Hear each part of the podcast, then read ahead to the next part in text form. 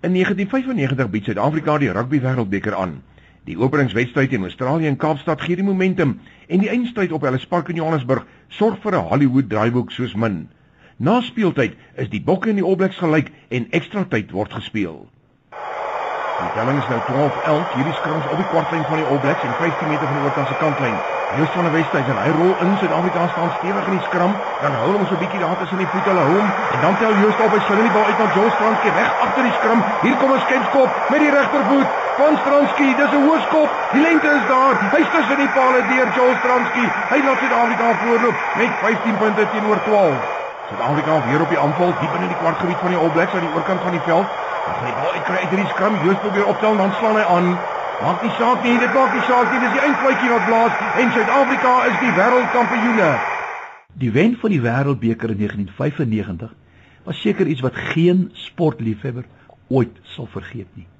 Dit is een van daardie dae in die geskiedenis wat jy presies kan beskryf waar jy was toe dit gebeur het en wat jy nou nog duidelik in jou gedagtes kan herroep.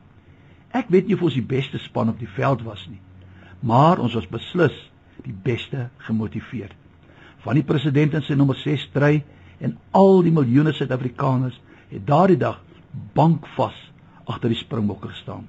Met daardie geweldige ondersteuning was dit byna onmoontlik om te verloor.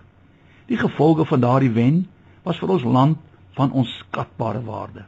Daar was 'n uitreiking, 'n begrip, 'n omgee vir mekaar soos nooit tevore. Ek luister nou die dag iemand sê op RSG Die toekenning van die SKA teleskoop is soos die wêreldbeker van die wetenskap.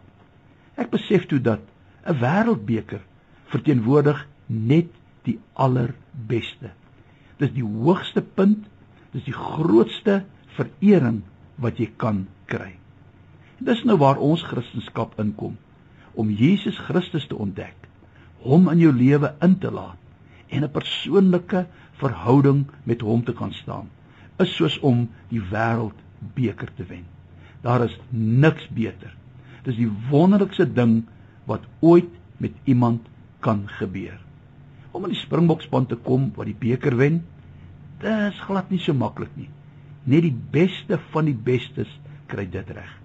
Jesus het aan die kruis die volle prys betaal sodat ons in sy wenspan kan wees.